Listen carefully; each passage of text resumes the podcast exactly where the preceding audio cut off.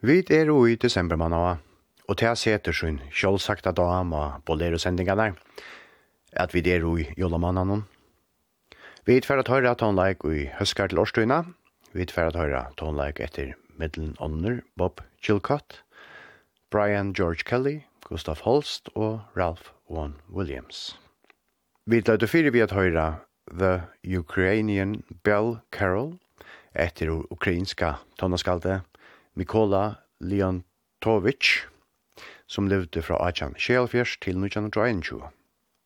Læg er et gammalt ukrainst folkale som veri sunnje nødgjørskvöld vi innskjum etno og lukko i kommande år. Utsettingen av lænen som vi hørte nå eier Philip Spark og det var Black Dog Mills Band som framførte. Opptøkken er å finne utgavene Christmas Day, Festive Music for Brass fra 2012. Vi talta fram vid korsanje. Vi fer at høyra vekra stikje The Rose in the Middle of Winter etter enska tonnaskalte Bob Chilcott. Chilcott er fattur i 5,5 nujantra Fimaltrush, og er våren vujagiten eh, som tonnaskald og utsettare av særstakliga kortonleik.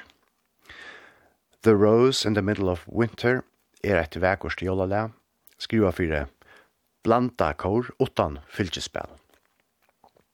Bob Chilcott hever gjørst leie i ischting tja, eller etter, Charles Bennett vi samaheite. Det er kamarkore Komotio som synker, og opptøkene andre å finne utgavene Chilcott, The Rose in the Middle of Winter fra 2013.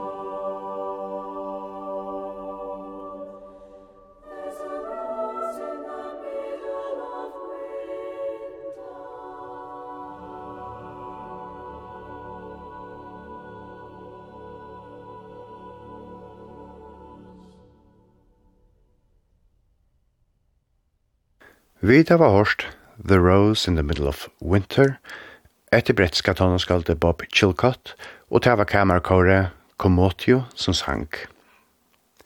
Vi dvera verande i Jonglande og fer at høyra eina jola symfoni vi heit noen Improvisations on Christmas Carols og til etter brettska tonneskalde Brian George. Han var føtter i 1934 og var nærminger tonaskaldsnæminger, tja navn framun tonaskaldun så som Herbert Howells, Gordon Jacob og tui via gittno Nadio Boulanger. Han er særlig kjentur fyrir sine kåreversk, hovast han eisni hefur skriva mengt anna. Og i hesum verskjennom fra velur han årene og spelar seg så heldur vi seks kjent jolalø. Henta symfonien er i verleikan ein orkestersvita som er sett saman av seks jolasankon og i tilsamans fem stutton satsun. Heser eita Allegro, Andante non troppo, tan tri eiter Slowly, fjore satser eiter Moderato og femte eiter Allegro. Ta verur The City of Prague Philharmonic Orchestra under Lashlav Gavin Sutherland som framfører.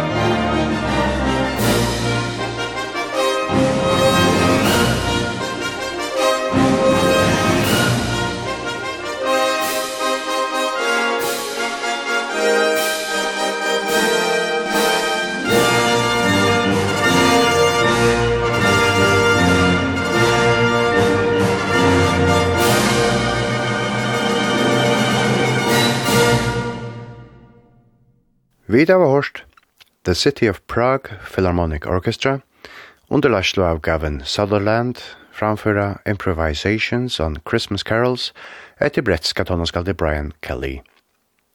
Så færa vi dator til Hottentonleir, ein av løtto. Vi færa at høyra brettsko messingkvintettina Fine Arts Brass Ensemble framføra Jola Sirspuna Christmas Medley. Løyen i sørspene er White Christmas etter Irvin Berlin, Jingle Bells etter James Piapon, og Rudolph the Red-Nosed Reindeer etter John Marks. Opptøkken er fra 1975. Gjør så vel.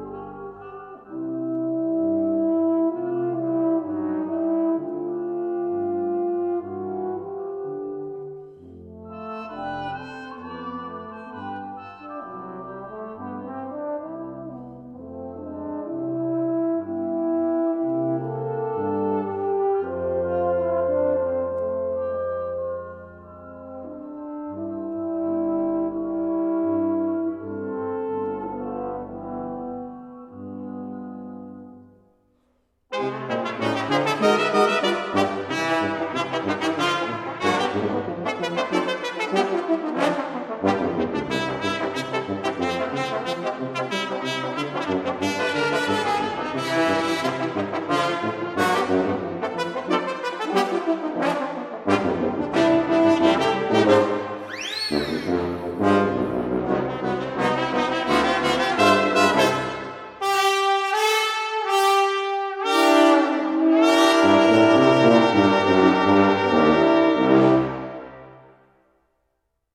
vet av hørst Fine Arts Brass Ensemble framføra jólasirpuna Christmas Medley. Så gjerne færre við datter at høyra kamerkore Komotio, sinja vekra leie The Shepherds Sing etter Bob Chilcott. Opptøkan er at høyra utgavene Chilcott, The Rose in the Middle of Winter fra 2013.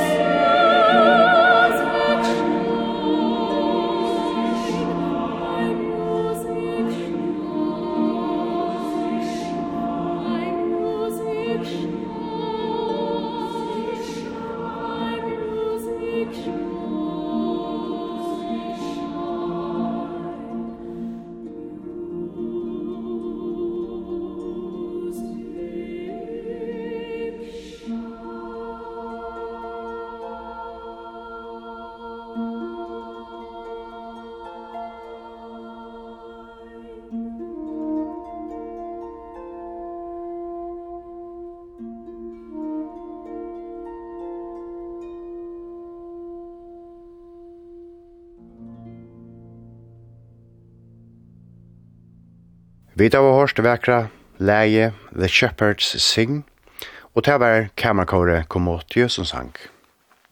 Vi vera verande vi korsang og skulle høyra Tomorrow Shall Be My Dancing Day og i utsetting etter John Gardner saman vi Royal Philharmonic Orchestra og kåre. Opptøkken er fra 2004.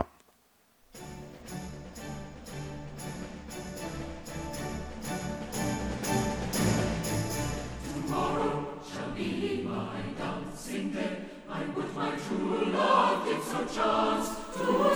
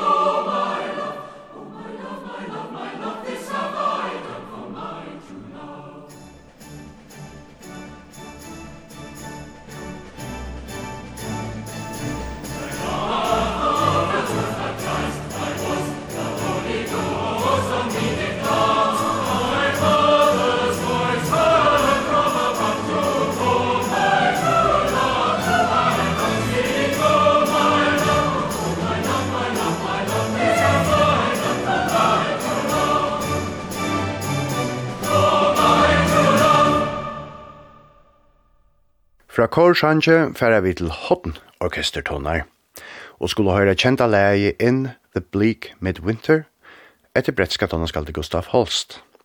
Og til å være til kjenta bretska hodnorkestre Black Dyke Band under laslet av Nicholas Childs som framfører.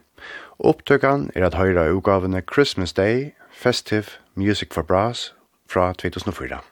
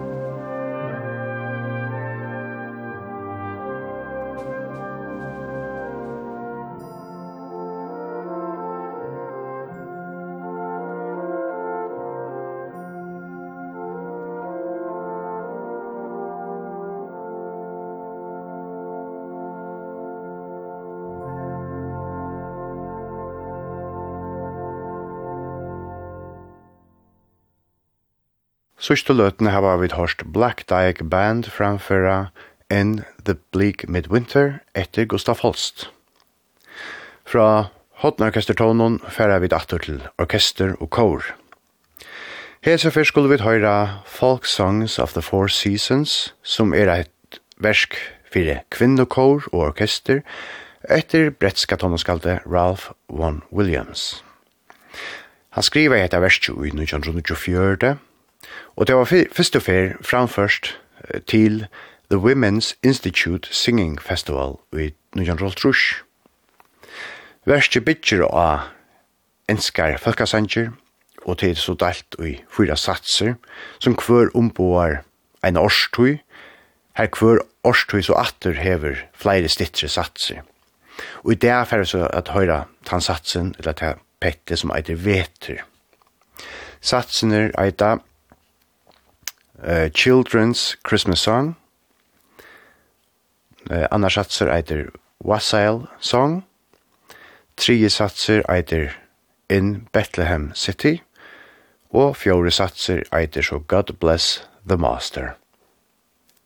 Ta verer Burnmouth Symphony Orchestra sama vi The City of London Choir som fyrir framføra og opptøkkan er å høyra utgavene A Christmas Anthology Interapax fra 2008. Og vi hesen tonen ferie takka tikkun for at tid var lagt øyre til sendingsene. Om tid kunne du huske at har sendingsene atter, så vil hun enda sende manakvölde klokkan 22, og framt at hon eisen verlagt ut av heimasyna, tja med noen. Sendingsene i dag kjørte Olav Rolsen og Rune Esterløy, og takk til Barbara Ålastøtter som hever funnet tonlagen fram til sendingsene.